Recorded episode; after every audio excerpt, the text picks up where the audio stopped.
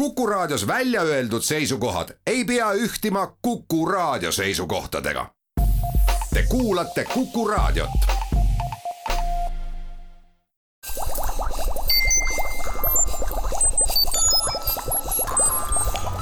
Kuku Õun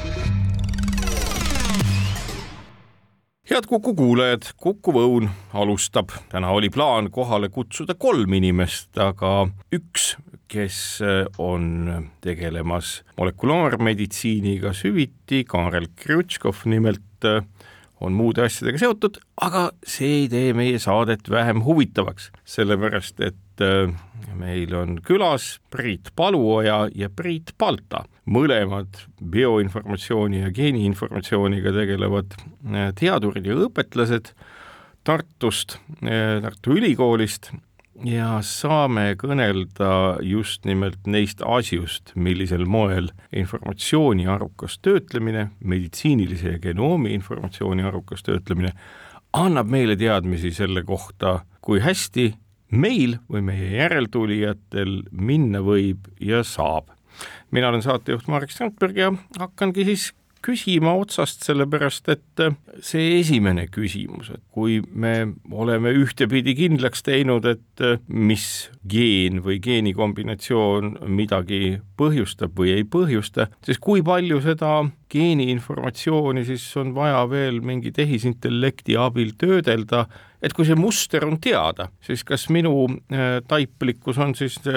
kehvapoolne, et kui muster on teada ja kord kindlaks tehtud, et siis selleks, et aru saada, kas äh, meid ennast või meie järeltulijat võib mingi häda ohustada, on vaja lihtsalt vaadata, kas see muster on samasugune või ei ole. hakkame siis otsast peale. Priit Paluoja. nüüd see konkreetselt sõltub, et äh, mida me täpsemalt otsime, näiteks äh, loota geneetilises sõeluuringus niivõrd ei vaata konkreetselt geene, vaid me vaatame, vaatame kromosoomide arvu või me vaatame, õigemini kui palju neid koopiaid on, kas näiteks lootel on mõni äh, üleliigne näiteks kromosoom kahekümne ühe koopia või me vaatame näiteks seda, kas mõnes väga kriitilises äh, regioonis, mõnes kromosoomis või genoomis üldiselt on näiteks hoopis äh, lootel kadu, kas tal on üldse sealt äh, selline DNA lõik puudu. ma küsin ja. kohe vahepeale, see on oluline küsimus, kuidas me saame seda lootel vaadata, kas meil on võimalik mingisugusel moel siis lootest võtta koeproov või kuidas see asi välja näeb? näiteks nipti puhul me võtame rasedalt naiselt vereproovi ja see vereproov sisaldab äh, lisaks raseda enda DNA-le ka loote DNA-d, tavaliselt kuskil neli kuni viisteist protsenti. ja see on piisav kogus, et äh, tuvastada, kui seal on midagi väga valesti. Äh, väga... NIPT, see lühend tähendab ju mingeid termineid inglise keeles, mida nimelt non-invasive prenatal testing, ühesõnaga siis, et äh, mitteinvasiivne äh, loote testimine. ja, ja, ja Reenat inimese veres, ema veres on siis sedavõrd palju seda geneetilist materjali, kust me vahet teeme, et mis on siis loote oma ja ema oma? seal on erinevaid äh, lähenemisi, näiteks ülegenoomne, kui me vaatame kogu genoomi, seal isegi niivõrd ei ole oluline teha vahet ema ja loote DNA-l meid pigem huvitab see küsimus, kas me eeldame, et äh, ema on terve, et tal ei ole kromosomaalseid anomaaliaid ja nüüd peaks juhtuma, et näiteks lootel on kahekümne esimeses kromosoomis äh, lisakromosoom, siis tema foon on seal kõrgel. Ja kui meie ema baastase on äh, normaalne, siis me tuvastame selle ära, kui seal on kõrgem. ah jaa, õigus eel... küll, me ju teame täpselt, millised nii-öelda geenilõigud, genoomilõigud on ühes või teises kromosoomis. Ja selle abil siis ei olegi vaja vaadata mitte kromosoomi, saan ma aru, vaid seesama Äh, rakuga mitte seotud DNA, mis veres ringi hõljub, reedabki selle, kust ta pärit on, jah? just, aga kui nüüd äh, selle küsimuse juurde tagasi tulla alguses korra, et eks see saab alguse jah, et me kõigepealt tekib see assotsiatsioon või seos, et mingi äh, muutus või kadu või juurdetulek põhjustab mingit haigust või fenotüüpi ja kui see teadustulemus kui selline on kirjeldatud, siis järgmine küsimus on see, et kas me saame seda kuidagi ära kasutada, kas me saame sellest äh, arendada näiteks mingi sõeluuringu äh, testi või diagnostilise testi, et seda huvitavat olulist äh, infot siis ka igapäevaselt maksimaalselt hästi ära kasutada. sattusin lugema vist New York Timesi ühte artiklit, kus enam-vähem samalaadseid teste kritiseeriti kuna erinevaid ettevõtteid, mis tõenäoliselt on väga kahtlase taustaga, on küllaltki palju, kes selliseid teste pakuvad ja seal oli näidatud, et mõnede puhul, kus siis loote seisundit hinnatakse, võib äh, vigasid ja valesid äh, tulemusi olla väga palju isegi, isegi kaheksakümmend viis protsenti mööda. mida see tähendab, kui test on ebatäpne, kas vanem peab siis võtma iseseisvalt vastu otsuse, et mis sellest lootest saab? seda kindlasti mitte, et ähm, ja kui nendest NIPT-i testidest rääkida, et nad ongi äh, sõeluuringu testid, et selle põhjal nüüd äh, mingit otsust veel ei tehta, kui see NIPT-i äh, test annab nagu positiivse indikatsiooni, et seal võib olla mingi kromosoomi aneuploid ja midagi on puudu või midagi on ülelootel siis tehakse jah, see nagu sa enne ütlesid, kuidas seda loodet uuritakse, siis tehakse, mille kohta öeldakse invasiivne test, kus siis võetakse jah looterakke ja kontrollitakse üle, et kas see tõesti nii on. ehk et äh, püütakse siis selgeks saada, kas midagi on, kui äh, ma nüüd mõtlengi seda, et kuna see teie töö on seotud asjaoluga, et kasutada ühel või teisel moel tehisintellekti kõikide nende äh, küsimuste paremaks lahendamiseks, et kus see tehisintellekt siis nagu nõu andma asub? seal on nüüd mitu sellist olulist osa, mis seal just nii-öelda informaatika või bioinformaatika peal to toimub, et üks osa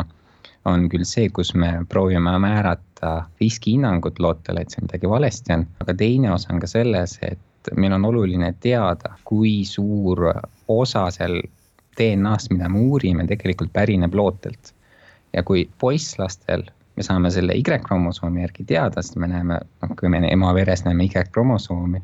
siis me teame, et siis me saame selle järgi arvutada, kui suur osa see moodustub, aga tütarlapsloodetel meil seda infot ei ole ja siis on näiteks välja töötatud sellisel, äh, sellise nimega metoodika nagu ElasticNet, mis siis omakorda, tähendab, on olemas selline tööriist nagu SecFF, mis siis kasutab ElasticNeti, mis on ka otseselt masinõpe, mis on varasemalt välja töötatud äh,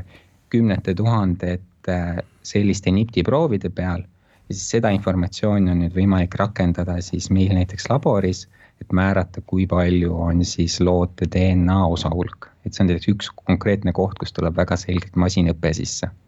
kui ma küsin hästi diletantliku küsimuse, et äh, kui keegi minusugusel päriks, et kuidas seda vahet teha, noh, et tuleks analüüsida mingit geenimaterjali, millel ei saa lootega mingit pistmist olla ja lihtsalt seda võrrelda. kui raske on siis võrrelda näiteks äh, ema juustest võetud äh, pärilikkusainet selle verest võetuga ja siis selgelt vahet teha, et see ju, mis juustes on, ei saa olla kuidagi pärit ju loote verest ja loote enda ainevahet. täpselt nii jah et äh, aga seal, seal saab võrrelda seda nii-öelda, kas järjestus on sama ja, ja siis öelda, et noh, et äh, see, see, mis langeb nüüd äh, juustest või teisest kohast võetud, võetud proovi järjestusega kokku, et see nüüd peaks olema kindlasti emamaterjal. ja kui seal on mingeid selliseid geenivariante, mida emal ei ole, siis on alust arvata, et see nüüd võib olla sisalt päritud materjal sellel lootel ja seda siis sealt nii-öelda vereproovist saab ka vaadata et, äh, et igal lapsel ju viiskümmend protsenti üks, üks komplekt kromosoome tuleb emalt, teine tuleb isalt. Ja seda saab vaadata ka mitte ainult äh, siis niimoodi järjestusi võrreldes, vaid äh, kvantitatiivselt ikkagi, et, et kui see loote rakuvaba DNA on nüüd seal ema veres ringleb, siis ähm, on mingid genoomsed regioonid, mis on paremini pakitud ja säilivad seal kauem, on mingid, mis on vähem pakitud ja lagundatakse kiiremini ära. Ja siis kui sa nüüd neid äh, kaardistad, nad äh, genoomi peale paned ja siis küsid seda küsimust, et kas neile meile tuntud regioonidesse, kus äh, enamasti alles jääb palju loote DNA-d, kui palju seal seda on? Ja seda sellised algoritmid nagu see ElasticNet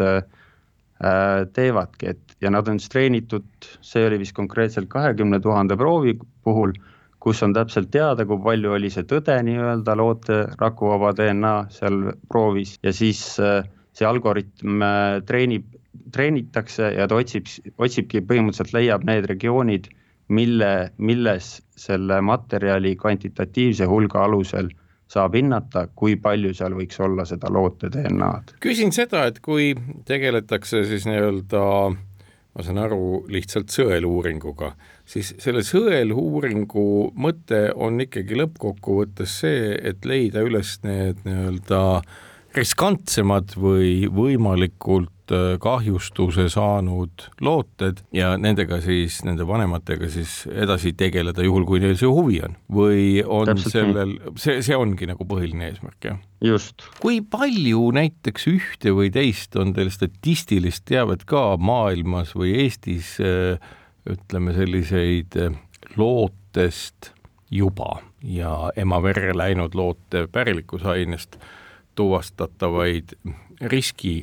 juhtumeid on, kus üks või teine arengumuutus on juba sellisel moel näha, protsentuaalselt või kuidas iganes, et kui paljusid inimesi see, ütleme niimoodi, puudutada võiks? see peaks olema umbes neli protsenti kõigist rasedustest üldse maailmas, kus on siis, äh, on toimunud mingisugune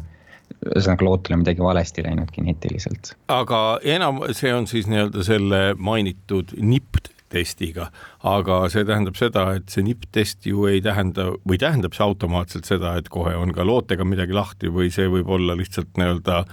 märgend, et lootega on kõik korras, aga lihtsalt on mingisugune risk. ma korraks täpsustan, et see neli protsenti on üldse see üleüldse rasedusega kaasnev risk, et midagi on lootel valesti. et see on nagu selles osas no see on nüüd üle terve genoomi, üle kõik. üle terve genoomi. kui paljude ja. haiguste jaoks või kõrvalekallete jaoks täna neid nii-öelda erinevaid NIPT-teste ja metoodikaid üldse olemas on? Äh, no väga paljude erinevate, et see äh, kõige tavalisem NIPT-i test siis otsib äh, kromosoomi aneuploidiaid, kus on kromosoom kas kaotsi läinud lootel või juurde tulnud mõni lisakromosoom ja kuna see katse tehakse siis tervele, tervele genoomil nii-öelda, me vaatame seda tervet genoomi, sealt me leiame ka kõik need puudu või üleolevad kromosoomid üles, aga siis lisaks on, on selliseid kommertsiaalseid teste ka, mis äh, uurivad mingeid väga kindlaid regioone, mida on seostatud siis äh, loote arenguhäiretega või mingite teiste, teist tõsist haigust või fenotüüpi põhjustavate muutustega. ja, ja selliseid nende geenipaneelides on viiskümmend, kuuskümmend erinevat lookust üle genoomi ka, et mis et, tähendab siis äh, viitekümmet, kuutekümmet erinevat äh, kõrvalekallet? jah, mis võivad, äh, mis võivad tekkida, aga võib olla ka niimoodi, et mitu, mitu lookust, millel see tulemus kõrvalekalle siis on noh, sarnane nüüd sellega ju kaasneb paratamatult üsna nüüd, kui me läheme nii täpseks, siis ju paratamatult päris komplitseeritud eetilised küsimused, sellepärast et juhul, kui vanem ka selles sõeluuringus osaleb ja talle nii-öelda pakkumine tehakse mingit tulemust saada, et äh, kui suur on siis nii-öelda äh, see ma ei oskagi öelda, kas risk või inimeste hulk, kes äh, siis ühel või teisel moel püüavad midagi ette võtta äh, selleks, et näiteks äh, ei tekiks sellist sündi või milline see nii-öelda dünaamika seal taga on, see on ju üsna selline personaalne ja problemaatiline valdkond. ja, ja väga hästi sa ütlesid, see ongi eetiline, eetilisuse küsimus ka, et et kui nad nüüd saavad teada, et et mis siis teha, aga see on enamuste paaride ikkagi enda otsus siis, et äh, mis nad otsustavad. muidugi ämmaemandad, naistearstid annavad nõu, kirjeldavad neid võimalusi siis, kuidas on võimalik seda täpselt kontrollida. mitte, mitte lihtsalt see inimene, rase selle äh, äh, sõeluuringu testiga ära hirmutada et ja siis nüüd nii ongi, et selleks ongi need invasiivsed testid, lisauuringud, mida saab teha, et olla täiesti kindel et äh, see on nüüd riskirasedus ja, ja siis äh, saavad tulevased lapsevanemad või, või rase naine saab otsustada, et mis ta tahab teha. Oli... kas tahab jätkata või, või mitte. mingi aeg tagasi ju Hiinamaalt, äh, ega ei saanudki aru, kas see oli tõele vastav või mitte, uudis selle kohta, kuidas keegi oli siis teadlane ja õpetlane oli siis CRISPR tehnoloogiat ehk geeni lõikamistehnoloogiat kasutades muundanud juba looteid, et äh, kas selle asja kohta on ka lähemat nii-öelda uudist või kadus see teadlane ja kõik asjad ära ja sellest enam üldse ei räägita, oli see mingisugune nii-öelda selline spinn, nagu kutsutakse, või ikkagi päriselt aset leidnud sündmus, kus sündisidki nii-öelda esimesed lapsed, kelle kallal oli geenikääridega käidud? jah, hea küsimus, et äh, meie jaoks ta jäi natukene kaugeks jah, et eks nii palju, kui maailmameedias kirjutati või erialased äh, huvigrupid on nagu arutlenud seda teemat, et tundus, et ta ikka nii oli. et Ähm, et seal selliseid lubamatuid äh, asju tehti. ja nüüd umbes kuu aega tagasi ma nägin uuesti äh, ühe, üks teadlaste grupp, see oli vist äh, European Journal of Human Genetics, kus nad panid kokku niisuguse arvamuse, et, et, et kuigi tendents on selles suunas, et lubatakse järjest rohkem nagu katset, katseid teha embrüotega ja nii edasi, et tegelikult see peaks olema taunitav, et et äh, sinna tuleb ikkagi mingid piirid äh, tõmmata, et mis on lubatav ja mis ei ole, et mis hetkest me hakkame nii-öelda disainima lapsi ja kui kaugele selle nii-öelda testimisega nagu minna võib. no aga oleme põhimõtteliselt ju oleme ausad ju, ega ka geeniinformaatika ja bioinformaatika moel või teisel oma laiemas plaanis enam-vähem ju sellele suunale on orienteeritud, et me saame aru, suudame muuta, suudame kohandada, suudame ravida, suudame tervendada, sellepärast et ma ei kujuta küll ette, et lihtsalt sellesama nii-öelda Hiina kommunikatsiooni ja avalikustamise puudumise müüri taga noh, toimub tõenäoliselt täiesti etteennustamatuid ja arvamatuid asju, et me võime vaid ette kujutada, millises ulatuses, millele on siis nimetame siis lääne selline bioinformaatika oma kaugemas eesmärgis suunatud? ikka ju tervise parandamisele või ma eksin? ei, sul on täielik õigus selles suhtes, et kindlasti arusaamine ja siis, äh, kui võimalik, siis selle teadmise kasutamine, et inimeste tervist kasvõi juba looteeas äh, parandada, kui see on võimalik ja aga teisalt äh, see, see suund on ja, ja sellel, sellel ei ole midagi, ei ole ju selles halba, et me saame uut teadmist ja seda siis kasutame. aga nüüd, kui tulevad äh, teadmised ja tehnoloogiad, mis võimaldavad, ütleme siis hakata disainima või valima, testima ja selle alusel valima noh, põhimõtteliselt ju võib mõelda nii, et me võime testida, et kas lapsel tulevad suure tõenäosusega sinised silmad või mitte, on ju. ja oh ja, ja ilmselt kõik et, veel mingeid asju täiesti selge. jah, absoluutselt, et, et vot see on see, kus, millega ei peaks tegelema. et kus ikkagi peaks piirid paigas olema, et, et mida me uurime, mis küsimusi me küsime selleks, et saada uut teadmist, milleks, milles võiks olla meditsiinis kasu, teaduses, geenteaduses kasu ja, ja kust alates siis me tegeleme nagu selliste asjadega, mille see eetiline pool ongi niisugune kaheldav või küsitav. ja võib-olla alati ei ole küsimus ka nagu valikus või raseduse katkestamises, vaid teinekord on ka variant see, et kui nüüd on teada, et midagi on väga valesti lootel, et siis saab ka sellist kaasuvat ravi, mis küll ei ravi seda haigust, geneetilist haigust välja, aga mis võib-olla aitab just nagu leevendada erinevaid sümptomeid, kui seda varakult teada bioinformaatika, millistesse, no ütleme niimoodi, et meditsiini bioinformaatika ilmselt haarab enda alla palju muidki valdkondi, millised nendest kõige köitvamad, huvipakkuvamad ja tulemusterohkemad on, sellepärast et ma oletan, et seesama nii-öelda sünnieelne testimine on vaid üks väike osa bioinformaatika. nii on jah, et äh, kui ma nüüd oma, oma arvamust hakkan avaldama, et eks ikka need seda tulebki avaldada. jah, mille, millega me ise tegeleme, on ju, et aga eks see, eks see valdkond on nagu tõeliselt lai, et, et Ähm, samas on ju meil geenivaramu, geenivaramus äh, uuritakse seda, et millised võivad olla haigusi põhjustavad, haiguste väljakujunemist äh, põhjustavad geneetilised variandid, et see, see teadmine, tehakse neid ülegenoomseid assotsiatsiooni uuringuid ja siis üle terve genoomi loetakse kokku kõik need geneetilised äh, alleelid või geenivariandid mis siis põhjustavad, äh, võivad põhjustada mingi haiguse väljakujunemist, et see on üks, üks hästi suur valdkond, mis on nüüd hästi kiiresti jõuliselt arenenud, kuna on tekkinud äh, kriitiline mass äh, informatsiooni suurtes biopankades ja seda saab kokku panna ka siis mitte ainult ei ole geeniandmed, vaid saad kokku panna terviseregistri andmetega, nii et sul on kõikide nende indiviidide jaoks olemas nende geeniinfo ja nende terviseinfo. Ja seda kasutades siis saab teha selle noh, selliseid erinevaid suuri uuringuid. millises seisus Eesti geene-, geenivaramu üldse oma katvuselt ja informatsiooni rohkuselt ja analüüside tegemise potentsiaalilt maailma muude geenivaramute ja sarnaste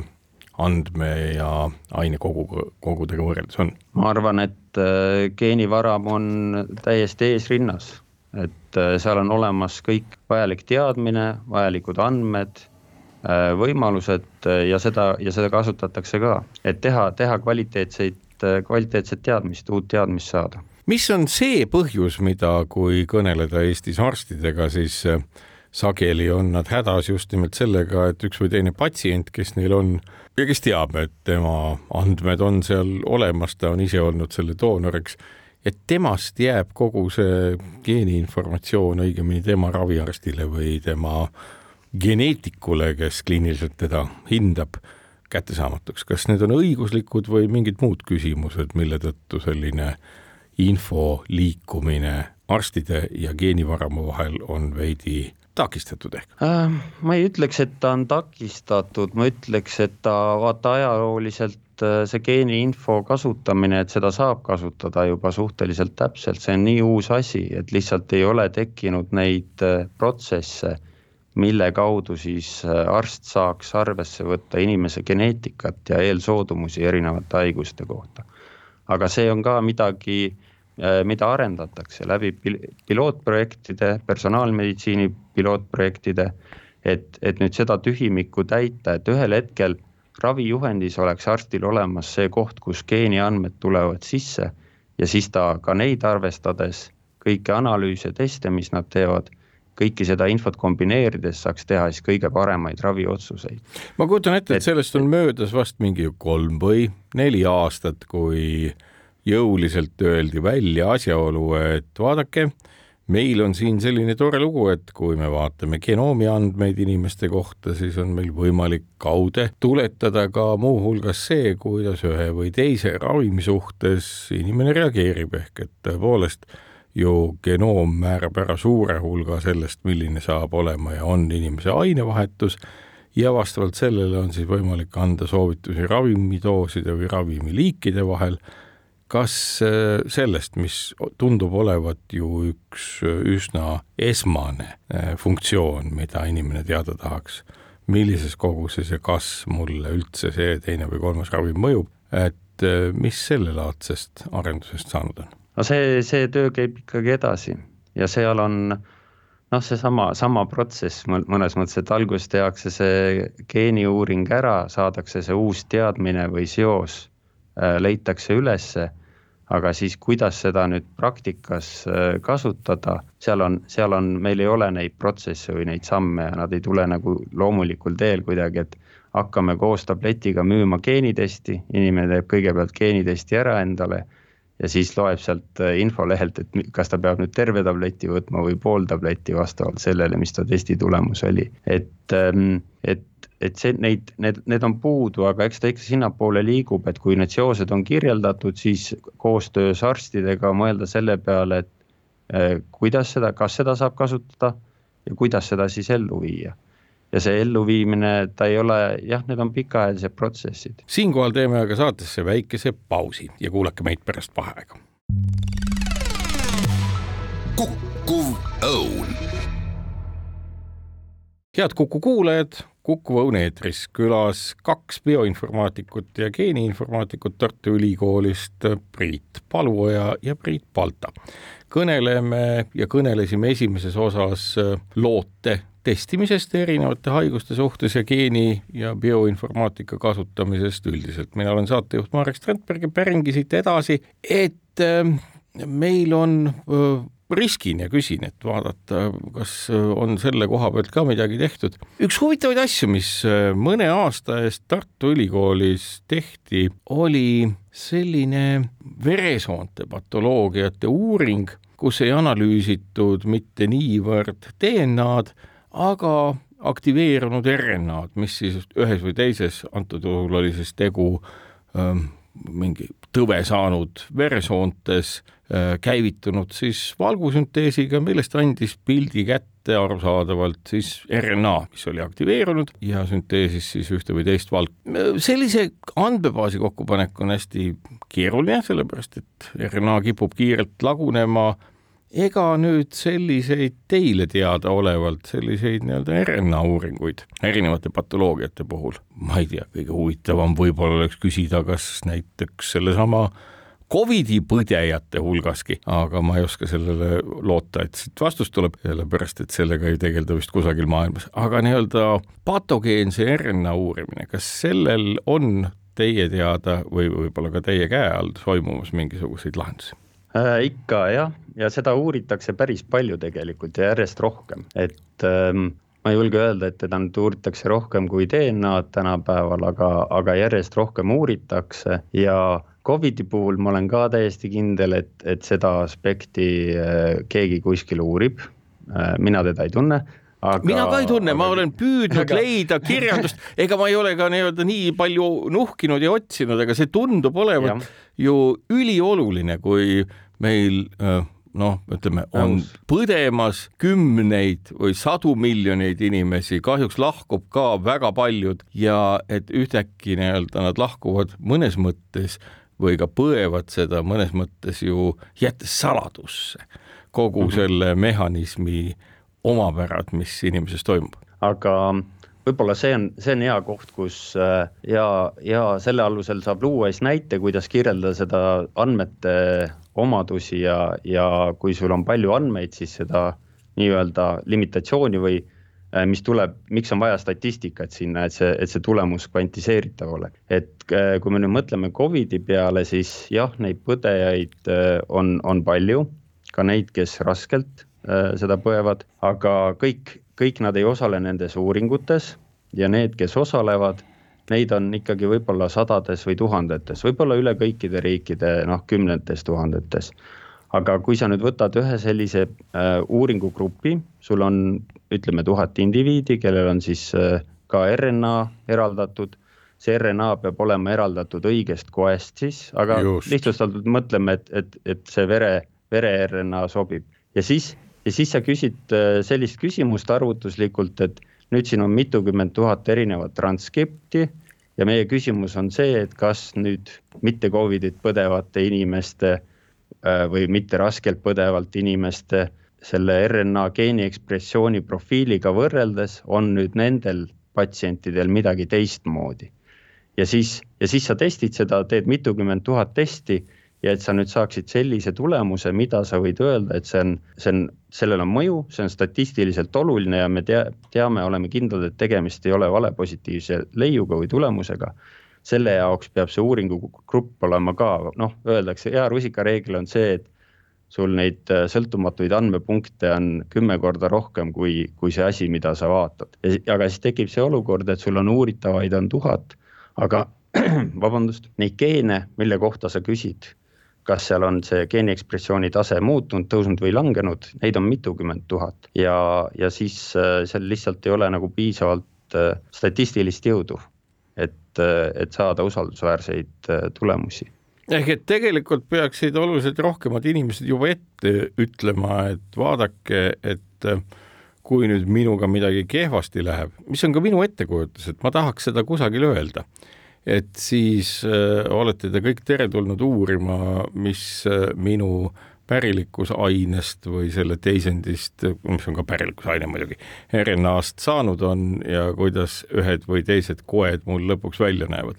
et kas see võiks olla, noh, me räägime väga palju organidoonorlusest, mis on hästi levinud asi. kui palju räägitakse või kui palju kutsutakse inimesi üles just nimelt oma äh, võib-olla ka letaalselt lõppevate hädade puhul oma nii-öelda sellist patogeenset struktuuri laskma uurida inimestel, kes sellest aru saavad. sellepärast, et ma, ma ise kujutan ette, et see on ju meeletu väärtus, see on nagu noh, põhimõtteliselt inimesed kremeeritakse nende hädade mustritega ära, ilma et sellest mingi teadmine tekib. no nii, nii läheb jah, neid selliseid uuringuid on tehtud küll, aga aga jah, nad ei ole nagu, nad ei ole massilised, et äh, ja seal tekivad need eetikaküsimused ka muidugi, et sul peab olema väga hästi defineeritud see küsimus, et sa tahad tahad, et sinu uuring oleks rahastatud, et sa kavatsed midagi sellist teha, siis et, et mis see nagu lõpptulemus on ja selleks, et, et siis, et siis sealt saada äh, usaldusväärseid tulemusi, selleks peab see kogu päris suur olema. Ja see juba omaette tekitab siis palju teisi äh, küsimusi, et noh, siis kus sa, kus sa hoiad neid proove, kas igast koest võtad tükikese ja, ja nii edasi, et äh, kui see on, see on, see on väga huvitav mõte jah ja sellest oleks äh, in, inimesed, kes niimoodi mõtlevad ja on valmis nagu teadust aitama niimoodi, väga tore, kui neid oleks veel ja veel rohkem. aga, aga võib-olla jah, siis see nii-öelda pärast nende minemist selliseid uuringuid väga suuri ei ole. kuigi see tundub olevat ju veel inimlikum või humaansem kui olukord, kus me analüüsime loodet ja paneme vanemad olukorda, kus nad peaksid midagi ette võtma. Et sel juhul on nii-öelda see paratamatu protsess eh, nagunii toimunud. Ja noh, ütleme niimoodi, et täpselt samamoodi nagu organidoonorluse puhul,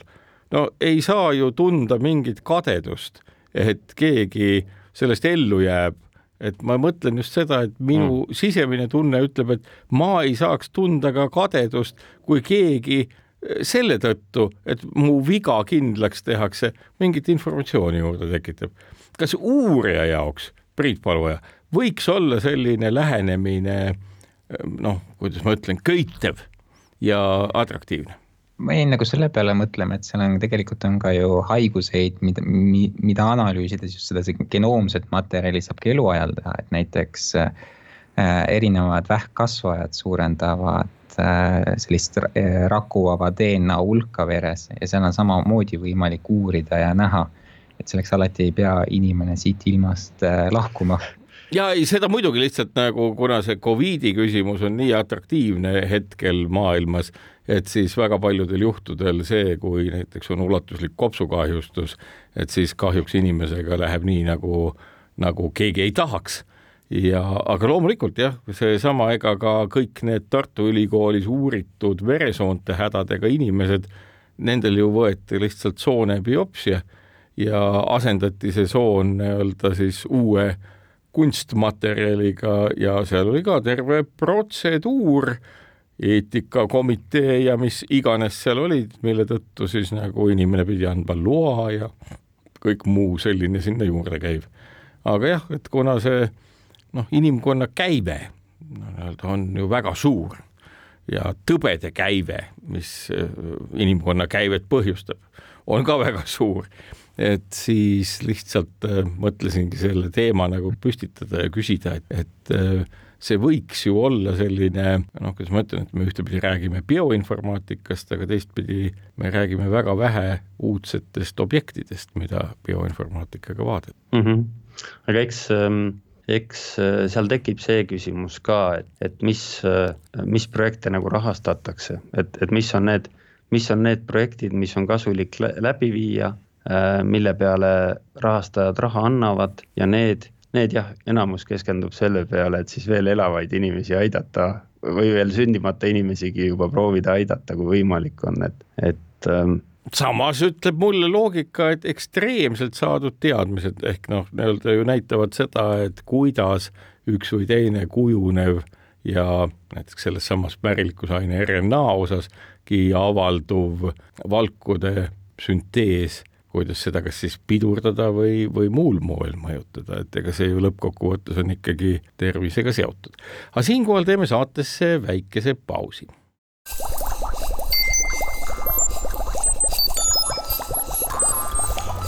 kukkuv õun.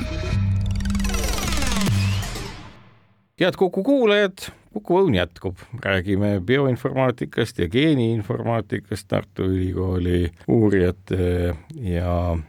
õpetlaste Priit Paluoja ja Priit Paltaga. kui palju, ma kujutan ette, teil on ka mingit ülevaadet sellest, et kui palju täna erinevad mitte ainult uurimisvaldkonnad, vaid ka ettevõtted süviti maailmas tegelevad bioinformatsiooniga ja kui suurt panust loodetakse sellest meie meditsiini ja tervise arengus? tundub, et aina, aina enam ja enam, sest see andmehulk, kuna selle pärilikkusaine kättesaamine digitaalsel kujul on, läheb aasta-aastalt aina odavamaks, mis tähendab seda, et neid andmeid on võimalik aina rohkem ja rohkem genereerida, mis omakorda pakub väga palju võimalust, mitte ainult sünnieelses diagnostikas, vaid ka üldse ju personaalmeditsiinis laiemalt. praegu tundub, et et inimestest on väga puudus ja andmeid on rohkem, kui jõutakse analüüsida ja kusjuures, kuna need andmed on väga suuremahulised, siis kõik need eelmainid, nii nagu geenivarem ja kõik need biopangad ka seal see vajalik andmemaht või nii-öelda see kettamaht, et neid salvestada, on ka aina suureneb ja suureneb. paistab, et nendel teadusküsimustel ja,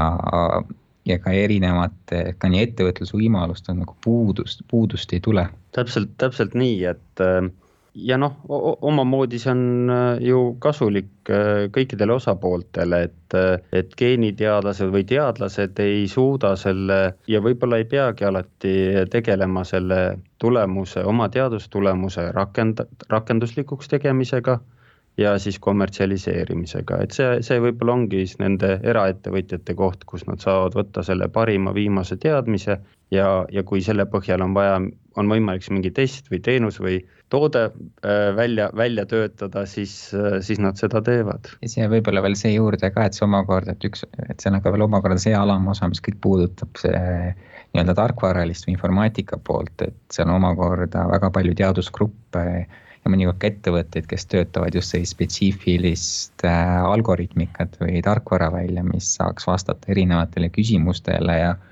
et seal nagu no, väga lai teema. kui, ma ei oskagi isegi öelda, et siin ju nüüdismaailmas kõneletakse aina rohkem täiesti teistsuguse viisiga ülesandeid lahendavatest äh, arvutitest, kvantarvutitest nimelt, kas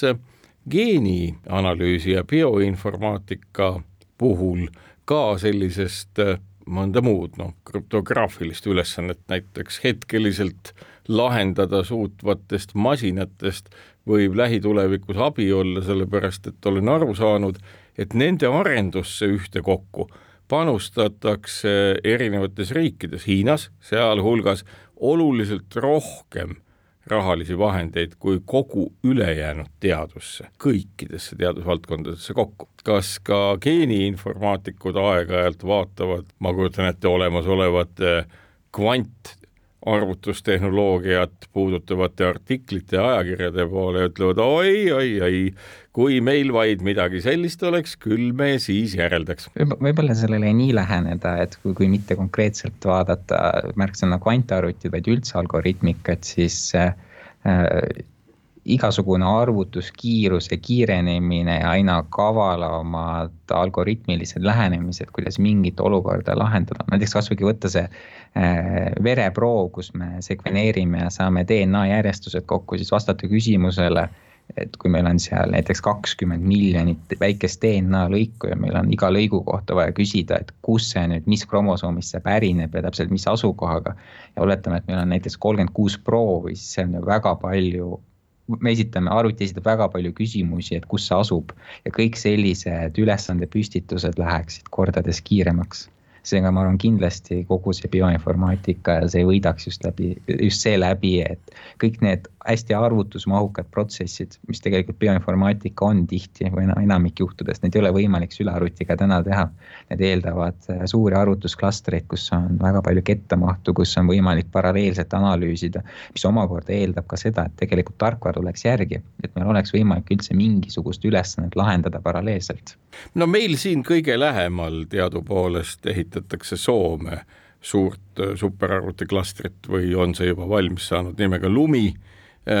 kas Eesti bioinformaatikud on ühe või teise sellise noh, tänasel päeval maailma loodud väga-väga kiire, kiire, kiire ja mälumahuga arvutiga ka seotud või on Eestis endas loodud asjad, mida kasutatakse? Äh, otseselt seotud ei ole, aga kasutanud oleme seda Lumit et ta ühtepidi on niisugune üks arvutuskeskus, aga teistpidi ta on niisugune infrastruktuuri ühendav projekt ka kuhu on ka äh, Tartu Ülikooli Teadusarvutuste Keskus kaasatud. et oleme juba proovinud seda Lumit. Äh, kuidas oli, kuidas oli? töötas väga hästi, väga kiire oli ja seni, seni oleme oma näiteks geenivaramu arvutused saanud ülikooli teadusarvutuskeskustes tehtud, aga nagu Priit ütles, et on, on väga palju küsimusi, kui sul on juba andmestik kakssada tuhat indiviidi ja nende kohta võib-olla igaühe kohta saad defineerida tuhat haigusseisundit, siis äh, see on väga suur hulk teste, mis on vaja jooksutada ja ja et nüüd nagu sellist nii suurt ülesannet praegu, praegu ei saakski seda teha. siis me paneksime selle arvutuskeskuse kuuks ajaks lukku ja mitte keegi teine ei seal arvutada ei saa enam. aga selleks on sellised uh, uued uh,, uued ressursid ja koostööd nende väljatöötamiseks väga-väga kasulikud, et teadlased saavad siis noh, üle Põhjamaade või ka miks mitte üle maailma jagada seda arvutusressurssi et ma ei pea ju ise sinna kohale minema. tänapäeval on ühendused on nii kiired et isegi kui andmestikud on suured, sa saad nad ikkagi kiiresti ühest kohast teise liigutada äh, või nad, või nad jäävad sinna, kus nad sul on ja arvutused toimuvad kuskil mujal. võib-olla siia veel ja. arvuliselt juurde tuua, et kasvõi kui näiteks analüüsime teenuse käigus NIPT-i proove, NIPTifies, mis on kolmkümmend kuus proovi, siis täna neid paralleelselt analüüsides võtab kogu arvutus kaks tundi aega